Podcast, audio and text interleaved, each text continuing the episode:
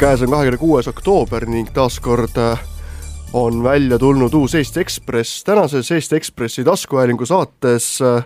teeme asja natukene teistmoodi, nimelt ei ole mitte kaks saatejuhti ning üks külaline, vaid natukene vastupidi. Otto Oliver otsustas, et tema on täna piisavalt haige, et tal pole häält ja ta ei saa seda saadet teha, nii et äh, kõik on siis minu õlul. mina olen Tannar Leitmaa ning tänases stuudios on meil siis kaks inimest. üks on meie enda ajakirjanik Krister Kivi, kes kirjutas suure loo fentanüüli surmadest ning temaga koos on stuudios Ene Villak, kes tegeleb MTÜ-s Pealinna abikeskus igapäevaselt narkomaanide nõustamisega. Krister, sa kirjutad siin loos, et tänavu augustikuus on Eesti, Tallinna meedikud saanud rekordiliselt fentanüüliga seotud väljakutseid, kas see siis tähendab seda, et ka näiteks narkomaanide arv on praegu kasvamas või see lihtsalt oli selline üks kerge anomaalia, ehk tuli uus partii turule ning seetõttu oli see number niivõrd suur? no üldiselt ma olen saanud aru, et sellist järsku tõusu kas siis üledooside või siis ka kahjuks surmaga lõppenud üledooside arvus seostatakse sellega, et turule on tulnud mingi uus ja senisest veidike kangem, kangem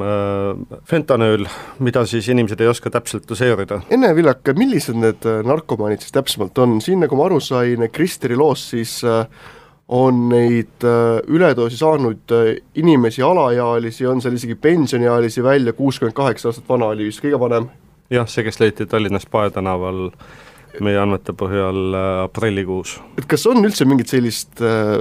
keskmist fentanüüli tarbijat või ta on juba nii suur nuhtlus, et seda nagu leidub igas ühiskonnaklassis ning igasuguste inimeste poolelt? ma arvan küll, et igasuguse inim-, igasuguses ühiskonnaklassis on, on fentanüüli tarbijaid, meile küll päevakeskusesse jõuavad ainult sellised natukene kehvema sissetuleku või, või siis üldse mitte sisse, sissetuleku ja kodutud äh, narkomaanid, et äh, küll meie väljatöötajad, kes siis süstlavahetuse käigus käivad tänaval süstlaid jagamas ja vahetamas, siis äh, nemad ütlevad küll, et on erinevaid on, on erinevasse klassi kuuluvaid narkomaane, mida nad täpselt tarvitavad, sest päris suur protsent on ka amfetamiini süstijaid meie narkomaanide hulgast, kui ma nüüd vaatasin enne siia tulekut süstlavahetuse statistikat, siis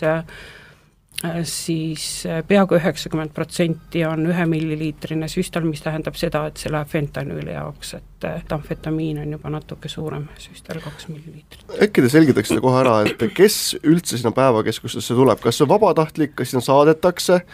või kuidas üldse nagu see narkomaan leiab endas sellise motivatsiooni, et äkki ma lähen, käin päevakeskuses ning räägin inimestega? Sinna tulek on vabatahtlik, kedagi ei sunnita, keegi ei suuna neid sinna, et selle nimel teevad tööd jällegi needsamad meie meie väljatöö tegijad, kes siis räägivad tänaval kohtudes narkomaaniga keskusest, mis teenuseid seal on võimalik saada ja niimoodi nad meile tulevad. ja, ja kõige parem reklaam või informatsiooni jagaja on tegelikult siis see meie teenust saanud klient kes siis räägib järgmisele oma tuttavale sõbrale, et on olemas selline keskus, kuhu võib minna, mis teenuseid seal saab ja, ja, ja mis võimalused on olemas kui sa enne küsisid ühiskonnaklasside kohta, võib-olla see on nüüd liiga julge üldistus minu poolt, aga, aga mulle tundub, et väga paljud neist siiski on sellised äh, katkised inimesed, depressiivsed inimesed äh, ja, ja, ja noh, juba mingil muul moel äh, kuidagi äh, elu hammasrataste vahele jäänud inimesed. Ja see on võib-olla nüüd ka nagu liiga julge paralleel, aga, aga noh, kui võib-olla kokaiini tarvitatakse, see on nagu staatuse näitaja mingis mõttes, seda edukad inimesed tarvitavad peohetkel, et see nauding seltskonnast oleks veel suurem, siis mul on tunne, et fentanüül, mis on siiski anesteesias kasutatav üks komponent, mida, mida siis kasutatakse narkoosi ajal tugeva valuvaigistina, et, et noh, siin on tahaks nagu tõmmata või mul on tekkinud see paralleel, et see on nagu nende inimeste valuvaigisti, kellel nagu muidu oleks liiga, liiga, liiga valus võib-olla olla. jah, on küll, et äh, ta võtab ära kõik need mured, mis sul on, et mingiks küll väga lühikeseks ajaks, et miks ka fentanüüli võrreldes heroiiniga tuleb sagedamini süstida, ongi see, et toimeaeg on lühem, ta on küll odavam kui heroiin, politsei väidab, et heroiini praegu Eestis praktiliselt pole, kui on, siis väga vähe. et et jah, ta on väga katkiste inimeste narkootikum, ta ei ole peonarkootikum või, või kuskile kõrgklassi eh, väga suurelt kuuluv, aga samas eh, on ka neid, kes, kes eh, ei tule toime ilma, et peab tarvitama erinevates ühiskonnaklassides. ja minu meelest siin nagu oleks oluline ka mainida seda, et äh, fentanüül on mulle teadaolevalt ainuke narkootikum samal ajal, mille puhul see see tarvitamiskogus või ütleme, see kõige väiksem ühik, mida tänaval müüakse, mida inimesel on siis, äh, sellel õnnetul inimesel on võimalik osta, kas see on juba kriminaalse suurusega, ehk siis see öö, äh, määr, kust fentanüüli puhul seadus loeb algavat suure narkoaine määra, mis on null koma null null kaks grammi see on, see on väiksem kui siis kõige väiksem kogus, mida tänaval müüakse, nii et seaduse mõistes kõik need fentanüüli tarbijad on kriminaalkurjategijad, sest nad pidevalt igapäevaselt käitlevad seda narkoainet kriminaliseeritud määral, sellal kui noh, mõne teise uimasti puhul see, mida inimene kasutab, see kogus võib olla nii väike, et ta seaduse toimes ei pane toime, seaduse mõttes ei pane toime kriminaalkuritegu. kui ma õigesti mäletan, siis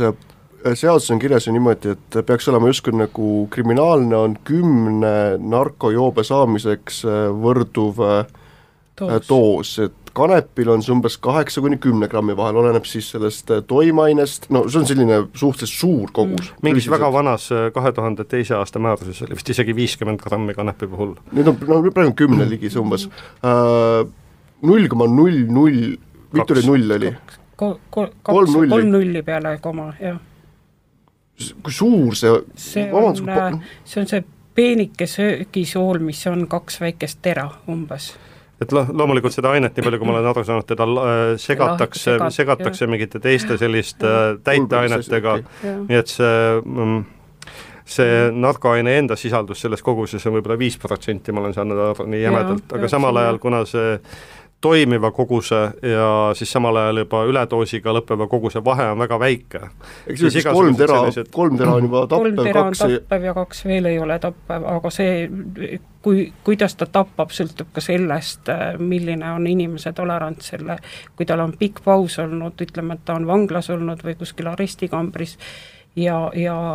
ta on vahetanud ka näiteks diilerit, ta ei tea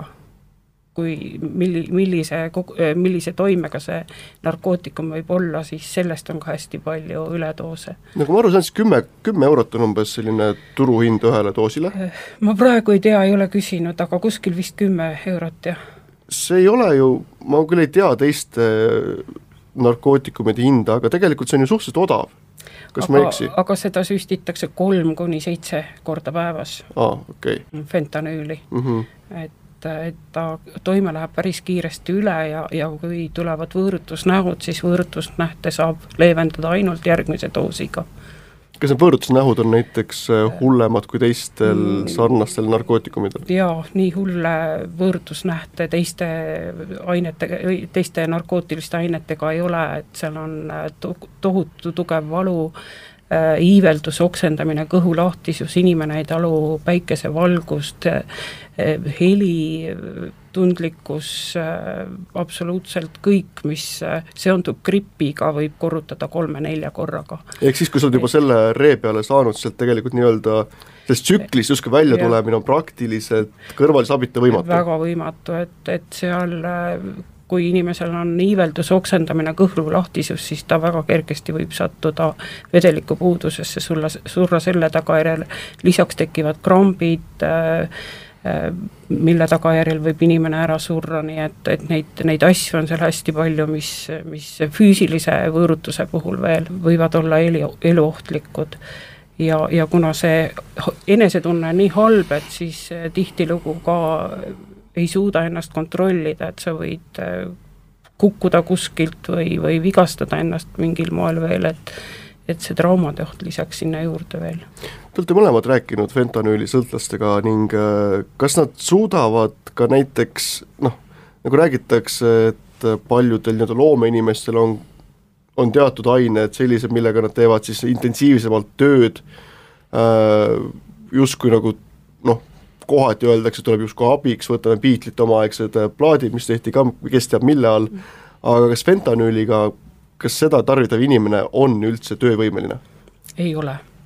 aga nii-öelda sotsiaalselt võimeline suhtlema so inimestega? sotsiaalselt on ta mingil määral võimeline suhtlema selle aja jooksul, kui on tehtud doos, kui on siis see hea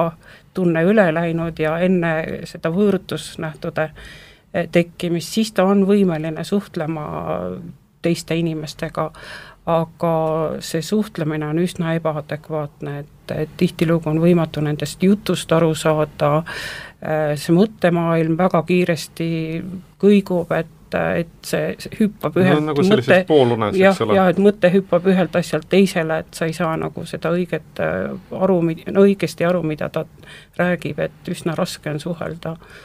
et eriti nendega, kes juba ikka peavad seal seitse kuus-seitse korda päevas süstima ennast, et see, see vahe jääb nii lühikeseks, kui ta on natukenegi adekvaatne. no see on kindlasti väga personaalne, aga iga sõltuvushaiguse, iga sõltuvuse puhul on üks omadusi see, et su äh, mingil hetkel sellel sõltlasel muutub see enesepilt selliseks, et tegelikult ta justkui ise ei olegi milleski süüdi, kõik teised on midagi halvasti teinud ja tema ise ennast parandada ei saa, et noh, nagu räägitakse alkoholismist, et põhiline on see, et sa ütled, et sa oled ise selles asjas süüdi, kas, kas kui kiirelt see fentanüüli äh, sõltlastel üldse selline minapilt nagu nii viltu läheb, et nad nagu enda, nad nagu ise nagu ei võtagi enam äh, initsiatiivi, vastutust, vaid lihtsalt lähevad kõige hooga kaasa? no enne fentanüüli on kindlasti olnud midagi muud, seal ki-, kanep, kui ma olen äh, teinud nende sõltuvusainete inim-, tarvitavaid inim-, tarvitavate inimestega seda kuritarvitusskeemi niinimetatud, siis äh, ma ei ole mitte ühtegi kohanud äh, viieteist aasta jooksul, kes oleks alustanudki fentanüüliga või ütleme, opiaadiga siis, et ikkagi enne seda on olnud siis kanep, amfetamiin või ekstasi või siis on olnud nuusutamine, ütleme, et seal bensiin või, või mingisugused liimid, asjad, värgid, ja, ja siis, siis tuleb alles, et see allakäik ei ole niimoodi ja, ja see süüdistamine, kõikide teiste süüdistamine tuleb juba seal päris alguses, et et see ei ole nii, et minust sai täna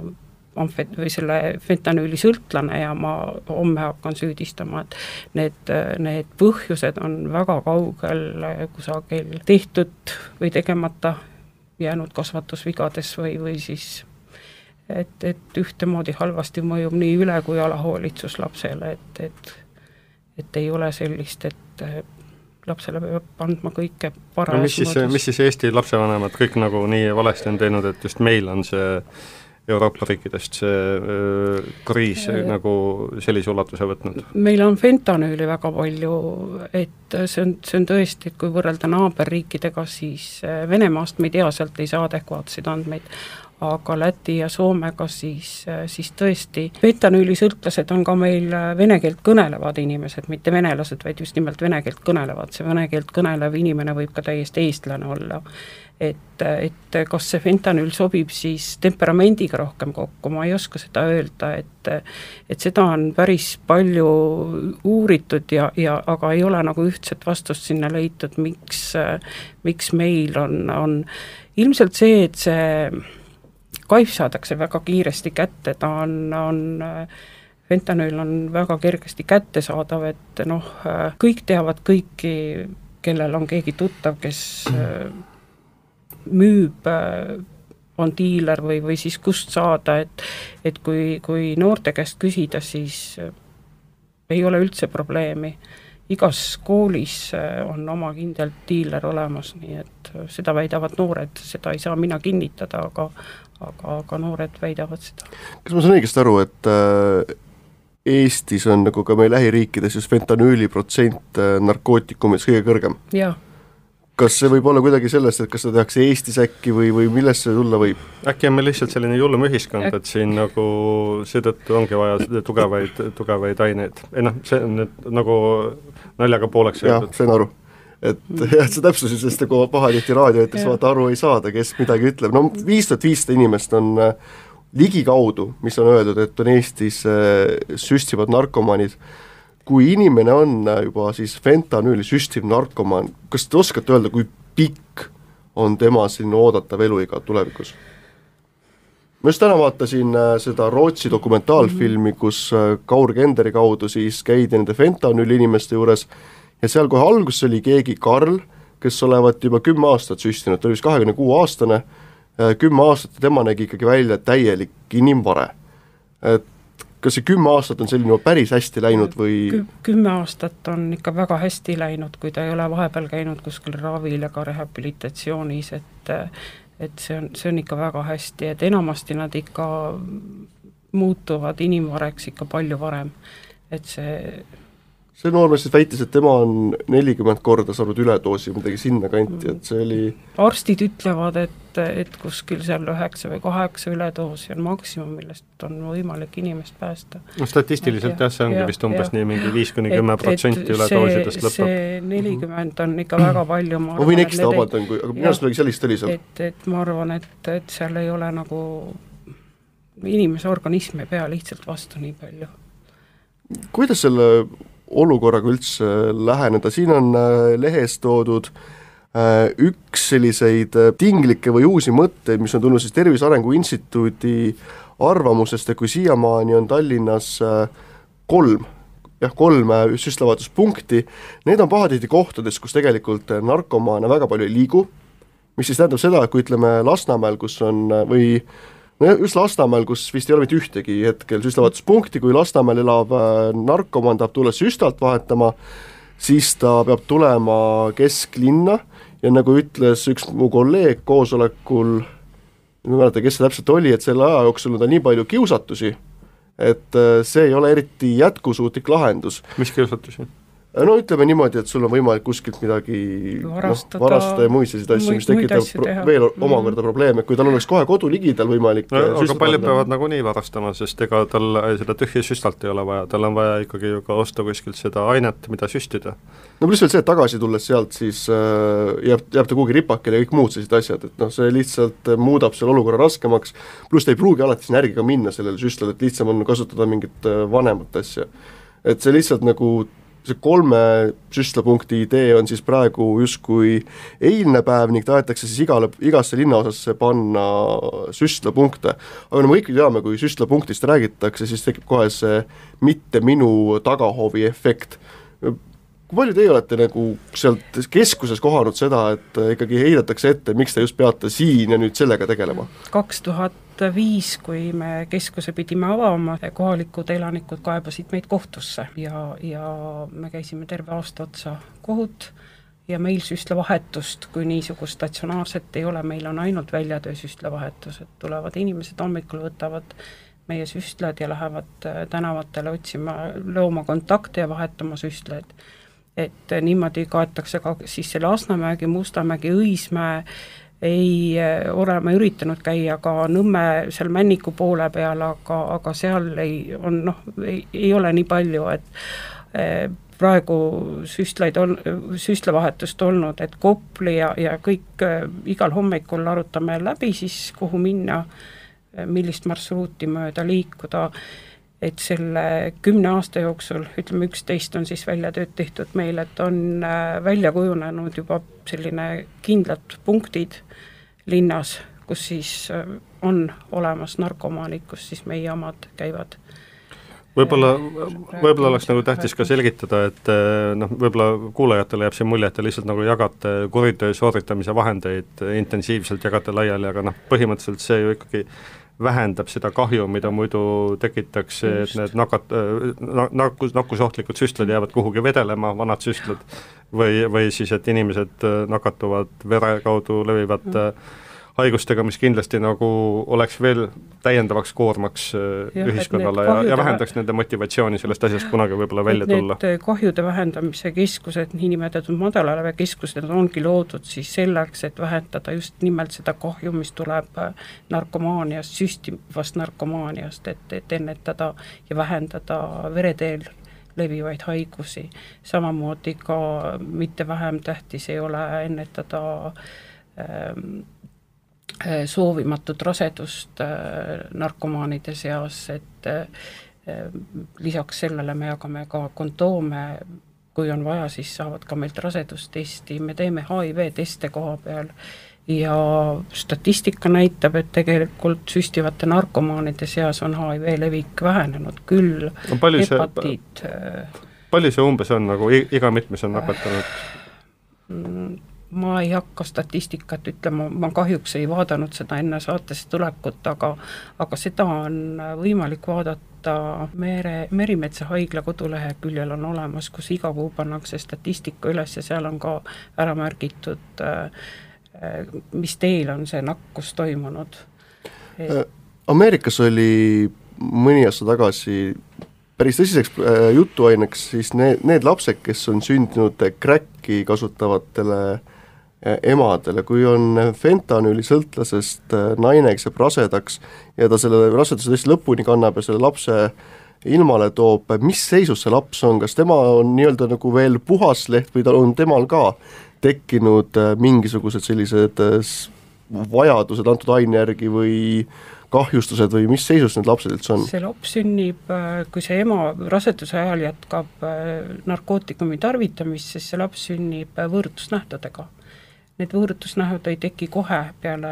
sünnitust, vaid nii nagu narkomaanilgi mingi aeg, kui ta ei ole seda, seda ainet saanud, et kahjuks fentanüüli läbi platsenta ja, ja laps saab äh, sõltlaseks. et need lapsed on siis enamasti väga rahutud, peale sündi äh, nad saavad morfiiniravi ja siis äh, mingi aja pärast siis äh, seal, seal võib olla igasuguseid väärarenguid ka, nad võivad olla enneaegselt sündinud äh, alakaalulised sellepärast et tihtilugu narkomaani toitumus on ka allapoole igasugust arvestust ja, ja, ja igasuguseid muid asju. Kuna ma töötan ka alaealiste narkomaanidega, siis ei ole ka vähe neid lapsi, kes on juba kelle vanemad on olnud narkomaanid ja nüüd on, on järgmine põlvkond siis meil ravida. mida üldse selle olukorraga teha saab, noh Kaur Kender on siin, kes on võtnud seda vähemalt avalikkuse ees kõige tugevamalt jutuks, siis tema survestab, nagu mina olen aru saanud, poliitikuid, et nemad midagi ette võtaksid. Et kas siis politsei ressursside kaudu või kuidagi niimoodi, et seda fentanüüli levikut natukenegi pidurdada, aga ku-, kumma, noh kuidagi ikka on praegu seis selline, pigem see hetkel vist ei toimi, et äh, mida üldse siin selles vallas teha annaks või kes seda üldse teha saaks? no ma nüüd ei saa küll öelda, et mitte midagi ei tehta, et kas või seesamad instituut alles lõpetas selle uuringu nendesamade süstlavahetuspunktide äh, vajalikkuse kohta Tallinna linnas, et ähm, on olemas äh, erinevaid, äh, erinevaid projekte, mis uurivad narkomaaniat, mis võima-, noh, üritavad, lastele, noorukitele pakutakse erinevaid programme, et nad oleks rohkem, äh, et, et seda vaba aega sisustada, et ei jääks, ei jääks sellist tühja aega, kui mitte millegiga tega, teha, tegeleda ei ole ja siis lähed lihtsalt narkootikume tarvitama et ma ei saa küll nüüd süüdistada, et mitte midagi ei tehta selle nimel, et et narkomaaniat vähendada või et seda kättesaadavust vähendada, et, et äh, politsei tööd ma ei tunne ja ja, ja ei tee ka koostööd politseiga, et ma ei, selle poole pealt ma ei oska kahjuks midagi öelda, aga aga ikkagi kuuleb uudistest, et aeg-ajalt on võetud jälle suured kogused kinni või mingid diilerid kinni, et kas teie keskuses süstida tohib? ei, ei tohi aga me, mis siis saab, kui keegi süstib? Mm, siis äh, on meil äh, kokkulepe selline meie klientidega, et nad mingi aeg ei saa meile tulla aga mis siis et, saab, kui keegi näiteks astub teile sisse ja saab üledoosi, see tähendab, kui ta äh, nagu juba meile noh, teie nähes me, me ei eelda, et meile tuleb klient ja ta on täiesti kaine, et siis meil ei tulegi kedagi mm -hmm. kaineid. ma mõtlen, kas te, kas te ise oskate, kas teil on jaa, üledoosi juhtumeid olnud, olete näinud? jaa, meil on personal välja õpetatud äh, on saanud esmaabikoolituse, meil on olemas personalil naloksooni süstlad, mida on väga lihtne kasutada, e, see tuleb küll koos siis selle elustamisega teha, et kui on vaja elustada juba, et sa pead elustamise abc-d teadma, kuidas see asi käib. et, et meil ei ole küll seda vaja läinud mitte kordagi, aga, aga enne, kui naloksooni ei olnud, siis mõned korrad me olime sunnitud küll paluma kiirabiabi, et äh, me ei saanud ise nagu toime, kuna ta oli tõesti niimoodi, et kohe-kohe on ta hinge heitmas, et äh, oli abi vaja, aga need on juba päris mitme aasta tagused lood. kuidas kiirabitöötajad üldse sellesse probleemi suhtuvad, nagu ma aru saan, siis ega äh, inimlikult ikkagi no okei okay,, see on inimlikkus on erineval tasandil, aga lihtsalt pahatihti võib ju tekkida selline frustratsioon ja sinu põhiline töö no ei saa öelda põhiline, et aga siiski pidevalt samade inimestega jälle tegelemine, kas kuidas nad üldse suhtuvad nendesse fentanüüli narkomaanidesse, kas nad võtavad kõiki patsiente äh, selliselt äh, võrdselt Hippokratese vande alusel või pigem ikkagi vaatavad, et noh, et neetud jälle? Äh, noh, eks see ongi pragmatism et väga raske on, on äh, kui sa ühe ja sama inimese juurde korduvalt, korduvalt sõidad, et jääda seal kuidagi neutraalseks, et äh, ma saan täitsa inimestest aru, kui aeg-ajalt, äh, töö on väga pingeline kiirabis ju, aeg-ajalt sa lihtsalt väsid ära ja mõtled, et jälle, aga ma isiklikult ei ole kohanud küll, et oleks äh, keegi halvustavalt öelnud, et kõigepealt on ikkagi see professionalism, mis inimesega kaasas käib, et sul on väljakutse, sa pead minema ja sa, sinu eesmärk on aidata inimest lõpus ma küsin Kristeri käest veel, et siin selles, selle loo juures on hästi äh, informatiivne kaart, et kuskohast need äh, Tallinnas hukkunud äh, või surnud äh, fentanüülisõltlased on leitud, si-, siis, siin vist ei ole ainult fentanüülisõltlased, vaid kõik narko aga fentanüül ongi praktiliselt ainuke asi, mis tapab tänapäeval, siin on vist üks äh, GHB surm äh, ja üks, mis oli täpsustamata, aga nagu üheksakümmend üheksa protsenti on siiski fentanüül. ja nagu ma aru saan, siis põhi äh, nii-öelda valupunkt on ikkagi Põhja-Tallinn, see Sõle tänav siis ilmselt Sõle tänaval oli muide, eks see sõltub, äh, nagu siin on toodud ära need tänavad, kuhu nad on jõudnud minna või, või kus kohas nad kas on elanud või siis kuhu nad on jõudnud, jõudnud äh, hukatada Sõnet oli vist üks tegelikult eh, nominaalselt, aga see lähikonna tänavaid oli natuke rohkem. ja, ja, ja, ja, ja samuti näiteks Virbi tänav Lasnamäel, kus ma kunagi elasin, mis on väga lühike tänav, see oli kolme hukkunuga näiteks eri aegadel. kas Virbis peale mitte ka see mm, on seal nüüd see spordihall ja suhteliselt suur tühermaa selline vaiksem ala, et selles mõttes ta nagu nii-öelda annab sellist ruumi sinna juurde tekitada. no see on muidugi praegusel hetkel täiesti triviaalne küsimus, vaba, vabandan väga, aga siis Virbi, Punane tänav ja Pae tänav on siis need, kus äh, põhitsoonid on? Hetkel. no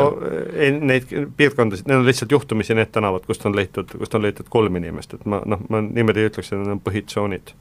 kas teie, kui te käite süstlaid jagamas Lasnamäel, kas siis see on, need kolm tänavat on näiteks need, kus kõige rohkem on vaja neid no, süste tagada? Pae tänava park on kindlasti üks, kus on see on see uus park nüüd või?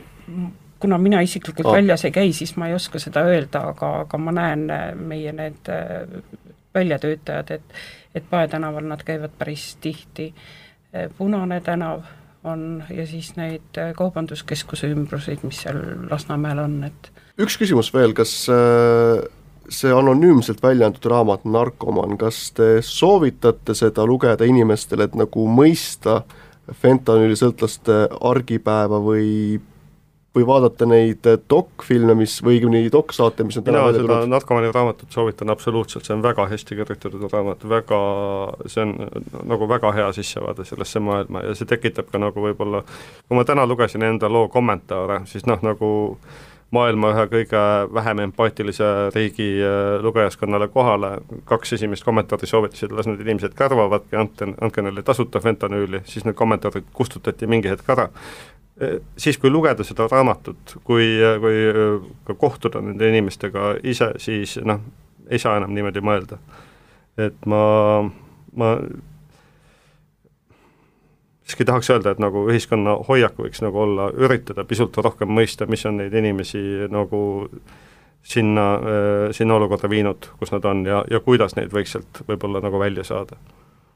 olete nõus? mul, ma olen täiesti nõus, aga ma pean ütlema, mulle see raamat ei meeldinud. et ma lugesin, ma loopisin teda nurka, ma vihastasin selle raamatu peale kordi, et et et äh, mulle absoluutselt ei meeldinud, ma ei, ma ei oska öelda. kas see on siis adekvaatne vaatepilt või, või oli ta lihtsalt natuke liiga kunstlik või mis seal oli? natukene võib-olla oli seal ilukirjastuslikult neid asju loodud sinna juurde ka ja, ja mõni asi oli ka mis noh, üldse ei käi niimoodi, et päris pikalt narkomaanidega töötades äh, küll endal absoluutselt igasugune narkokogemus puudub, et, et äh, päris selline raske ja, ja, ja, ja frustreeriv lugemine oli see, et ei, ei, ei kiida takka seda raamatut, aga tähendab, lugeda võib, sellepärast et mingi pildi saab narkomaanist ikkagi ette, et ta on küll natukene ülepaisutatud mõne koha pealt võib-olla, aga eks see on vist niimoodi, et pimedad, pimedad kirjeldavad süstalt, et kes on katsunud teravikku ja kes on katsunud kolbi.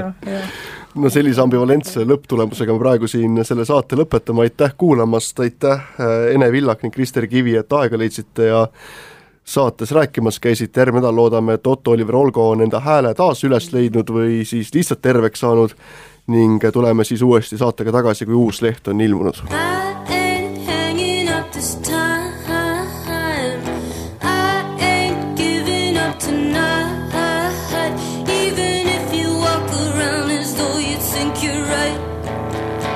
At your worst to still believe it's worth the fight. I could